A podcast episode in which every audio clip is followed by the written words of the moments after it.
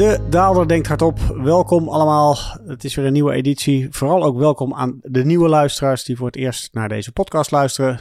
Mocht dat zo zijn, abonneer je dan gelijk eventjes, zodat je ook volgende week weer van de partij bent. Nou, wat kan je verwachten in deze podcast? Nogmaals, voor de nieuwe luisteraars, de oudgedienden die weten het inmiddels natuurlijk wel. Daalder denkt hardop, daar ben ik in de hoofdrol. Ik ben Chief Investment Strategist, werkzaam bij BlackRock. En behandel in deze podcast de ontwikkeling in financiële markten. Beantwoord vragen als die al binnengekomen zijn op het welbekende mailadres vraag.daalder.blackrock.com. En we hadden er zwaar deze week weer eens twee, dus die komen zeker aan de beurt. Verder hebben we nog de podcast tip de wekelijkse podcast tip van alle podcasts die ik luister. En ik krijg ook wel eens vragen, hoeveel zijn dat er wel niet? En hoe luister je al die dingen dan? Nou, de truc is natuurlijk dat je niet op gewone snelheid luistert, maar op verhoogde snelheid. Eh, sterker nog, ik heb een soort rangensysteem. Op het moment dat ik hier een goede podcast vind, dan luister ik meestal op 1,25 keer de snelheid. Dat hangt natuurlijk ook een beetje af van de sprekers. Maar over het algemeen is 1,25 nog heel goed te doen. Vind ik je best oké. maar ben je een beetje aan het afzakken, dan kom je al snel in de anderhalf keer snelheid terecht. En ben je een moedje, waarschijnlijk ook eh, in de categorie hoe lang blijf ik hier nog naar luisteren? Dan kom je op 1,75 keer de snelheid terecht. Nou, dan wordt het wel een beetje een Mickey Mouse geluid waar je naar zit te luisteren. Je krijgt nog wel de informatie binnen trouwens, maar het is uh, ja, toch niet helemaal zoals het bedoeld is, denk ik dan. Ik vermoed dat er onder de huidige luisteraars ook de nodige mensen zijn die mij ook op een hogere snelheid afluisteren. Nou, die krijgen dan op het moment dat we inderdaad een borrel gaan houden de schok van hun leven. Want praten maar eens heel langzaam en ik ben veel zwaardere stem dan je eigenlijk gewend bent. Maar goed, ik dwaal af. Waar gaan we het deze podcast nog meer over hebben? Over hedgekosten, over de obligatiemarkt, over de sterke stijging van de ingeprijsde inflatieverwachtingen voor Europa. Daar lees je toch heel weinig over. Dus deze nomineer ik bij deze voor de rubriek OOO. Opmerkelijk, onbelicht, onbesproken of iets van die geest. Want erg scriptvast ben ik niet wat betreft de invulling van de drie O's. Nou, volgens mij hebben we dan wel alles zo'n beetje gehad. Uh, dus daarmee kunnen we eigenlijk beginnen met de podcast van deze week. Nummer 51 is het trouwens. Opgenomen op 7 maart voor degene die deze statistieken nog altijd bijhouden. Komt-ie!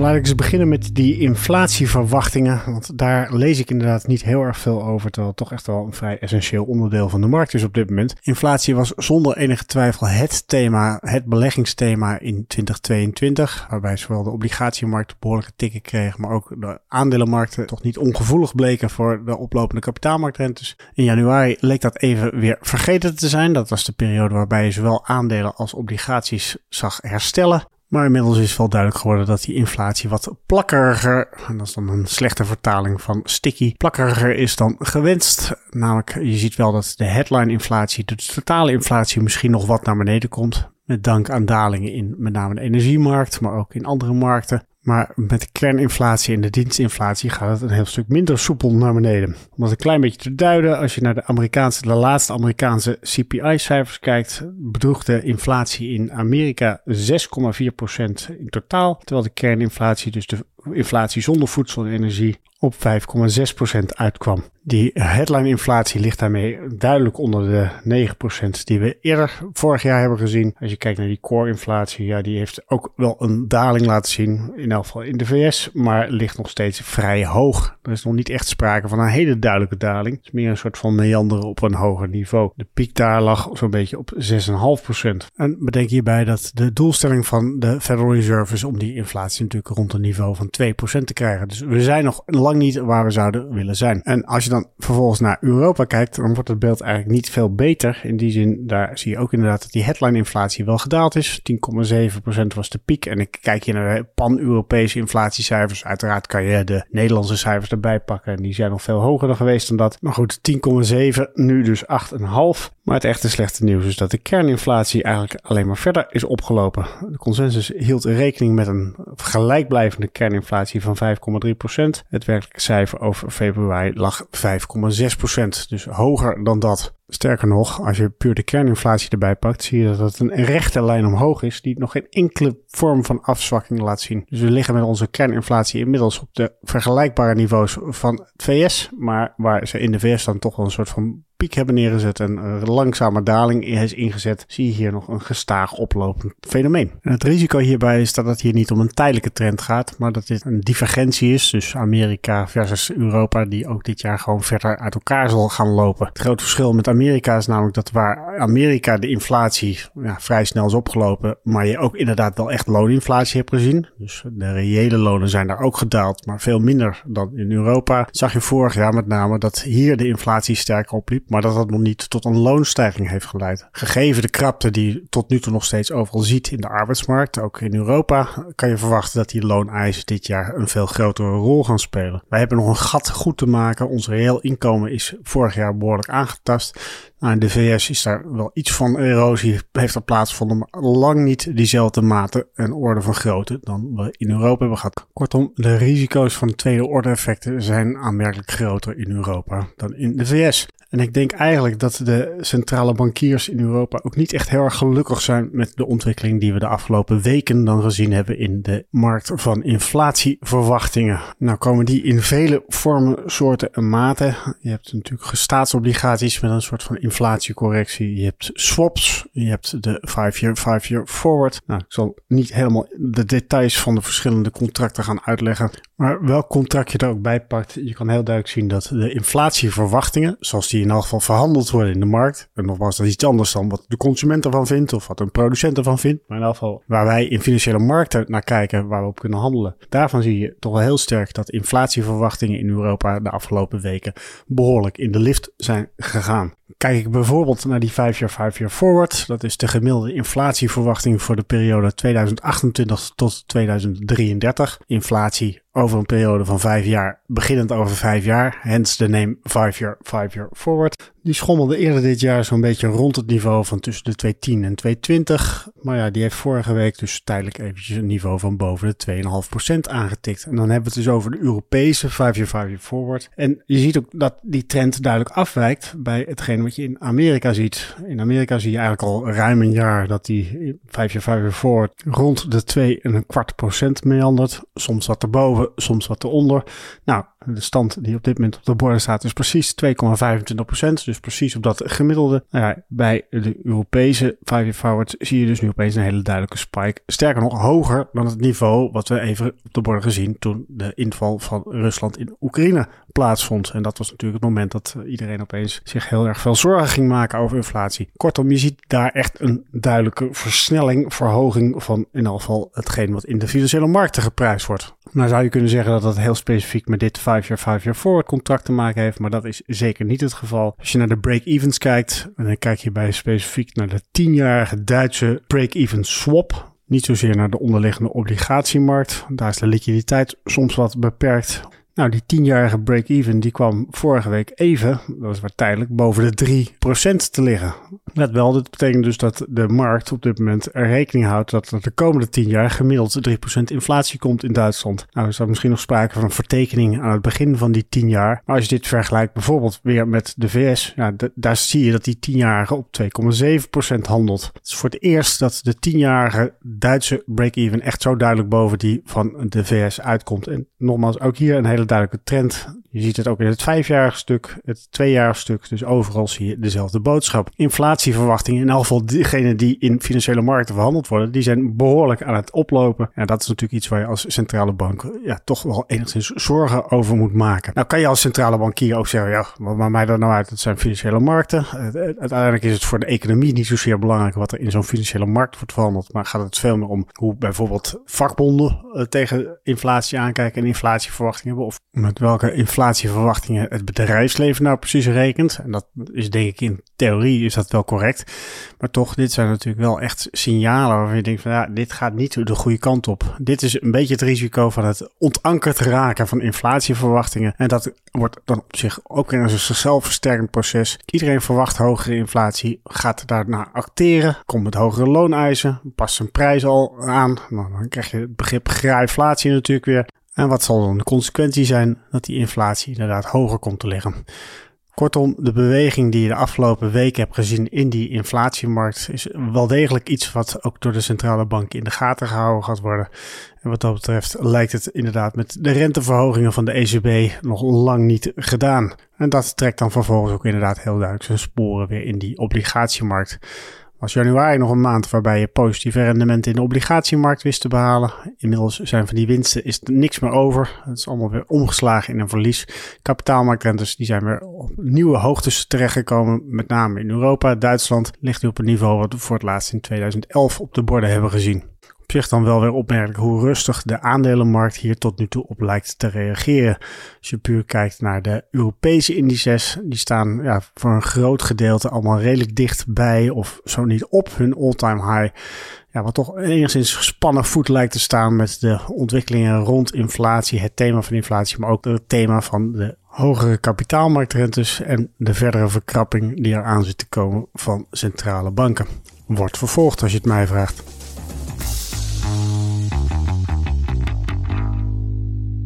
Kom ik bij de lezersvragen. Nee, de lezersvragen, wat zeg ik nou? De vragen die ik heb gekregen in de vraagput daalde blackrock.com. De luisteraarsvragen uiteraard. En in beide gevallen waren het vragen die samenhingen met een opmerking die ik in de feesteditie maakte ten aanzien van de hedgingkosten van Amerikaanse beleggers. Luister daarvoor natuurlijk de voorgaande editie, maar een korte samenvatting is als volgt. Op het moment dat jij als Europeaan in Amerikaanse aandelen wil beleggen en je wil dat wisselkoersrisico niet lopen, dan kan je dat voor een bepaalde periode afdekken. De kosten die daarmee samenhangen worden voornamelijk bepaald door het renteverschil. Op het moment dat de rente in Europa lager ligt dan in Amerika, betalen wij daar geld voor het moment dat het andersom zou zijn, dus op het moment dat de rente in Europa hoger zou liggen dan in Amerika, dan zouden wij juist een premie ontvangen. Gegeven dat de Amerikaanse rente op dit moment inderdaad hoger ligt, betekent het dat de Amerikanen in dit geval het voordeel aan hun zijde hebben. Sterker nog, historisch gezien zal het over het algemeen zo zijn dat de Amerikanen het voordeel aan hun zijde hebben, want hun rente ligt over het algemeen altijd wat hoger dan die van Europa. Kortom, Amerikanen die kunnen op dit moment, dat was het getal wat ik noemde,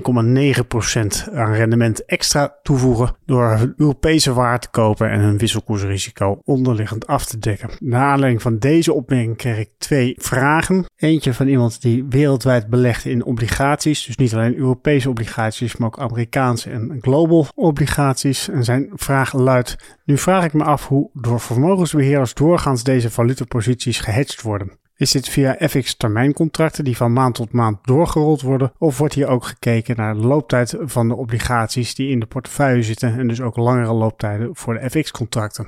Nou ben ik gelukkig geen productontwikkelaar, dus het antwoord wat ik ga geven zal niet volledig correct zijn. In die zin, ik zou god niet weten wat het echte achterliggende beleid is. Ik weet alleen wel vrij zeker dat het niet de looptijd van de obligatie zelf zal zijn. Omdat die hedgekosten samenhangen met het renteverschil. Ja, op het moment dat je dan een tienjarige obligatie koopt en daar vervolgens ook een tienjarige valuta swap of valuta FX termijncontract tegenaan zetten, dan is precies datzelfde renteverschil de kosten die je gaat maken om dat risico af te dekken. Dan heb je ook geen enkele reden meer om die tienjarige obligatie in het buitenland te kopen. Die heeft precies dezelfde yield als de obligatie die je in je eigen land kan kopen. Los daarvan speelt er ook een liquiditeitselement. Hoe korter de looptijd, hoe meer liquiditeit je ziet in de markt. Dus als je een langer contract wil kopen, nou, dan weet je ook vrij zeker dat je een veel grotere bid-laat spread moet betalen. Dus de kosten zijn over het algemeen gewoon groter. De kans is dus vrij groot dat een vermogensbeheerder, en ik weet natuurlijk niet over welke vermogensbeheerder we het hier specifiek hebben, maar dat een vermogensbeheerder juist wat korter dit spel zal spelen, wat meer flexibiliteit daardoor ook zelf creëert om vervolgens ook posities weer te wijzigen bedenk wel, een ETF is natuurlijk een product wat je altijd kan kopen en verkopen. En wij weten natuurlijk niet hoe lang jij als koper van die ETF in dat product blijft zitten. Op het moment dat je het verkoopt, ja, dan moet natuurlijk die positie ook weer worden afgehandeld. Mijn eigen ervaring met het afdekken van FX-posities is meer vanuit de pensioenkant. En hoewel je daar ook verschillende smaken en soorten had, zag je toch wel over het algemeen een voorkeur om bijvoorbeeld te werken met drie maands contracten en dan met een soort dakpanconstructie, waarbij je elke maand een derde van je positie doorrolde. De tweede vraag was ook naar aanleiding van hetzelfde fenomeen. Als het voor investeerders uit de VS interessanter is om in Europa te investeren, zou je dan mogen verwachten, ceteris paribus, dat de rendementen in aandelenmarkten in de VS omhoog gaan en in Europa naar beneden, waardoor het voor Europese beleggers weer interessanter wordt om aandelen in de VS te kopen. Nou, ik moet zeggen dat ik wel wat moeite heb met de vraag zoals die gesteld is. Maar goed, ik snap het denk ik wel enigszins. Het hele achterliggende idee is als iedereen naar een bepaald punt in de markt gaat, dus alle Amerikanen dijken op Europa, zal je zien dat de Europese markt veel duurder wordt. Waardoor de Amerikaanse markt per saldo natuurlijk relatief aantrekkelijk wordt. Waardoor wij als Europeanen juist weer naar Amerika zouden kunnen gaan. Nou, op zich is dat, daar valt het voor te zeggen. In extreme mate kan je dat uh, zeker volhouden. Het is alleen geen wetmatigheid. Het kan natuurlijk best zo zijn dat als al die Amerikanen naar Europa gaan, dat de koers hier omhoog gaat. Dat daardoor de performance van Europa verder omhoog gaat. Waardoor bijvoorbeeld ook Japanse of Chinese beleggers denken: hé, hey, de rendementen zijn toch wel een heel stuk beter daar. En dat je op zich een zichzelf versterkend proces krijgt. Momentum in beleggen is zeker niet onbelangrijk. Kortom, koersen kunnen best wel wat gaan afwijken van wat je structureel op de lange termijn zou verwachten. Hierbij kan je bijvoorbeeld denken aan de internetbubbel van 2000, maar ook het gewicht van Amerikaanse aandelen in een mandje wereldwijde aandelen. Dus als je de MSCI World neemt als benchmark, dan zie je dat die Amerikaanse markt het gewicht erin steeds, steeds, steeds groter is geworden. Deels zal het inderdaad samenhangen met de relatief goede performance van bedrijfswinsten in Amerika. Er is een onderliggende reden waarom dit heeft plaatsgevonden, maar misschien is er ook wel deels sprake van ja, een soort van bubbelvorming, overdreven reactie. Iedereen denkt Amerika doet het toch altijd beter, dus laten we al ons geld maar in Amerika stoppen. Kortom, er zijn fundamentele redenen waarom een performance van een bepaalde beurs het langere tijd goed of slecht kan doen. Maar daarnaast zijn er ook wat minder fundamentele redenen en minder goed te duiden. En dat kan best lang aanhouden. Het is niet zo dat omdat nu toevallig wat Amerikanen naar Europa overstappen, dat dat gelijk alweer mogelijkheden voor Europese beleggers in Amerika creëert. Eens even kijken. We hebben de OOO gehad. We hebben de lezersvragen gehad. We hebben het eigenlijk ook al over de markt gehad. Nou, dan hebben we natuurlijk nog de podcast tip van deze week. Wat een beetje een vreemde is. In die zin, hij is off-grid. Het gaat niet over financiële markten. Het is de What Next TBD van Slate. Slate Technology. En de specifieke aflevering waar ik het over heb heet de Hollywood Weight Loss Wonder Drug ja, nogmaals, het heeft helemaal niks met financiële markten te maken. Dus jullie zullen wel denken van waar hebben we het nu over? Het is ook een onderwerp waarvan ik me kan voorstellen dat voor sommige mensen wel al bekend nieuws is. Maar goed, voor mij was het in ieder geval een, een beetje een eye-opener over de ontwikkelingen rond het medicijn Ozempic. Wat uh, een, van oudsher een diabetische medicatie is, maar inmiddels op grote schaal gebruikt schijnt te worden om af te vallen. Met name in Hollywood schijnt het grif over de toonbank te gaan. Eh, de kostprijs mag er trouwens wel zijn. Ik geloof dat ik in de podcast een getal van 900 dollar per maand hoorde. Dus het is niet voor iedereen weggelegd. Nou, wat doet het medicijn? Het neemt je hongergevoel weg. Met als gevolg dat je inderdaad veel minder de neiging hebt om alsmaar dingen te gaan eten. En dat er natuurlijk toe dat je behoorlijk wat gewicht kan kwijtraken in een zeer korte tijd. Als je Google Trends erop naslaat, dat is natuurlijk de tool van Google waarbij je kan zien in hoeverre er op Google naar bepaalde termen gezocht wordt, zie je dat de term op dit moment heel hoog scoort in de zoekmachines. Een van de hoogste niveaus on record tot nu toe, waarbij ook Nederland inderdaad best wel hoog scoort. Overigens begrijp ik dat je het in Nederland alleen op recept kan krijgen, dus moet je naar het buitenland uitwijken om iets dergelijks te kunnen bemachtigen. Overigens is dit op geen enkele manier een aanbeveling of iets van die geest. Persoonlijk ben ik ook helemaal niet geïnteresseerd in het medicijn met een beetje hardlopen kom je ook een heel eind, zeg ik altijd maar. Maar goed, ik vond het in elk geval wel een heel erg interessant thema. Voor mij een onbekend begrip. En als je dan ziet hoe groot dat is en wat voor consequenties het kan hebben. Ik zou zeggen, luister de podcast. En in het kader van tips die toch wel de moeite waard zijn, maar waar je voor de rest niet heel veel aan hebt, vond ik een artikel in de Financial Times ook wel heel erg interessant. Luister naar de titel Bank of Japan finally corners 10-year JGB market. Die was te vinden in de bekende Alphaville rubriek van de Financial Times, een beetje de rubriek voor de financial nerds. Daar werd een grafiek opgevoerd van Oxford Economics, waarbij het bleek dat de Bank of Japan meer dan 100% had opgekocht van één obligatie uitgegeven door de Japanse overheid. Het ging hier om obligatie nummer 369, uitgegeven in het eerste kwartaal van 2023. En volgens de grafiek had de Bank of Japan ongeveer 140% van die obligatie in handen. Hoe is dat nou mogelijk, zult u misschien denken. Nou, ik zal de tekst van eh, de Financial Times erbij pakken. Quote, the Bank of Japan may have bought more than 100% of some Japanese government bonds as it buys the JGBs, lends them out again to ensure the market still has some supply. Short sellers borrow it and dump them in the market only for the Bank of Japan to buy it once more. Dit zijn altijd van die excessen waarvan ik me altijd afvraag: kan ik dit nog aan mijn moeder uitleggen? En het antwoord is eigenlijk stevast nee. Ik snap het wel weet hoe het werkt. Maar om nou te zeggen dat dit nog enige logica heeft of nog een hoger doel dient, dan is het antwoord toch echt heel duidelijk nee, negatief, nada, noppes. En daarmee kom ik op het einde van deze Daalder Denkt Hardop. Abonneer je, zodat je ook volgende week weer automatisch van de partij bent. En in dat geval kan ik met gerust hart zeggen tot volgende week.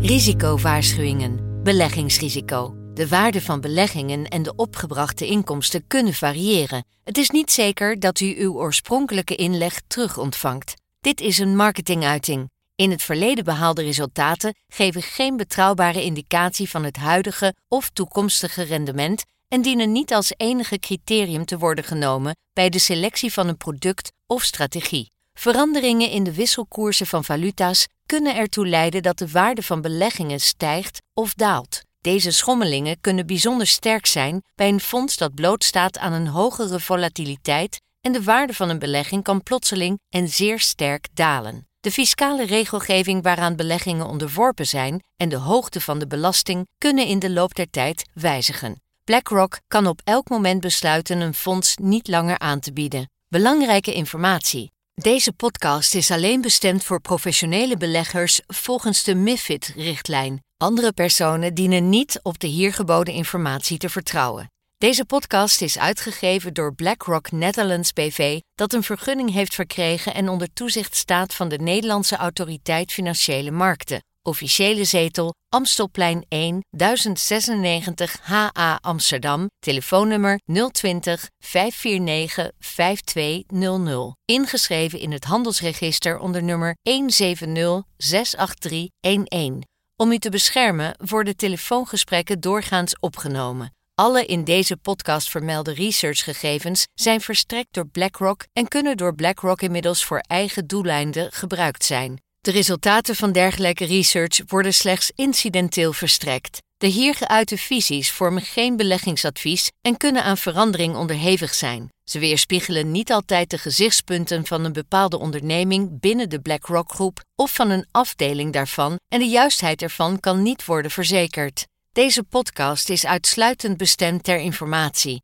Het vormt geen aanbod of uitnodiging om te beleggen in een van de fondsen van BlackRock en is niet opgesteld in verband met een dergelijk aanbod. Copyright 2023 BlackRock Incorporated. Alle rechten voorbehouden. BlackRock is een geregistreerde handelsnaam van BlackRock Incorporated en haar dochterondernemingen in de Verenigde Staten en daarbuiten. Alle andere handelsnamen zijn van de respectievelijke eigenaren. Deze podcast mag niet worden verspreid zonder toestemming van BlackRock.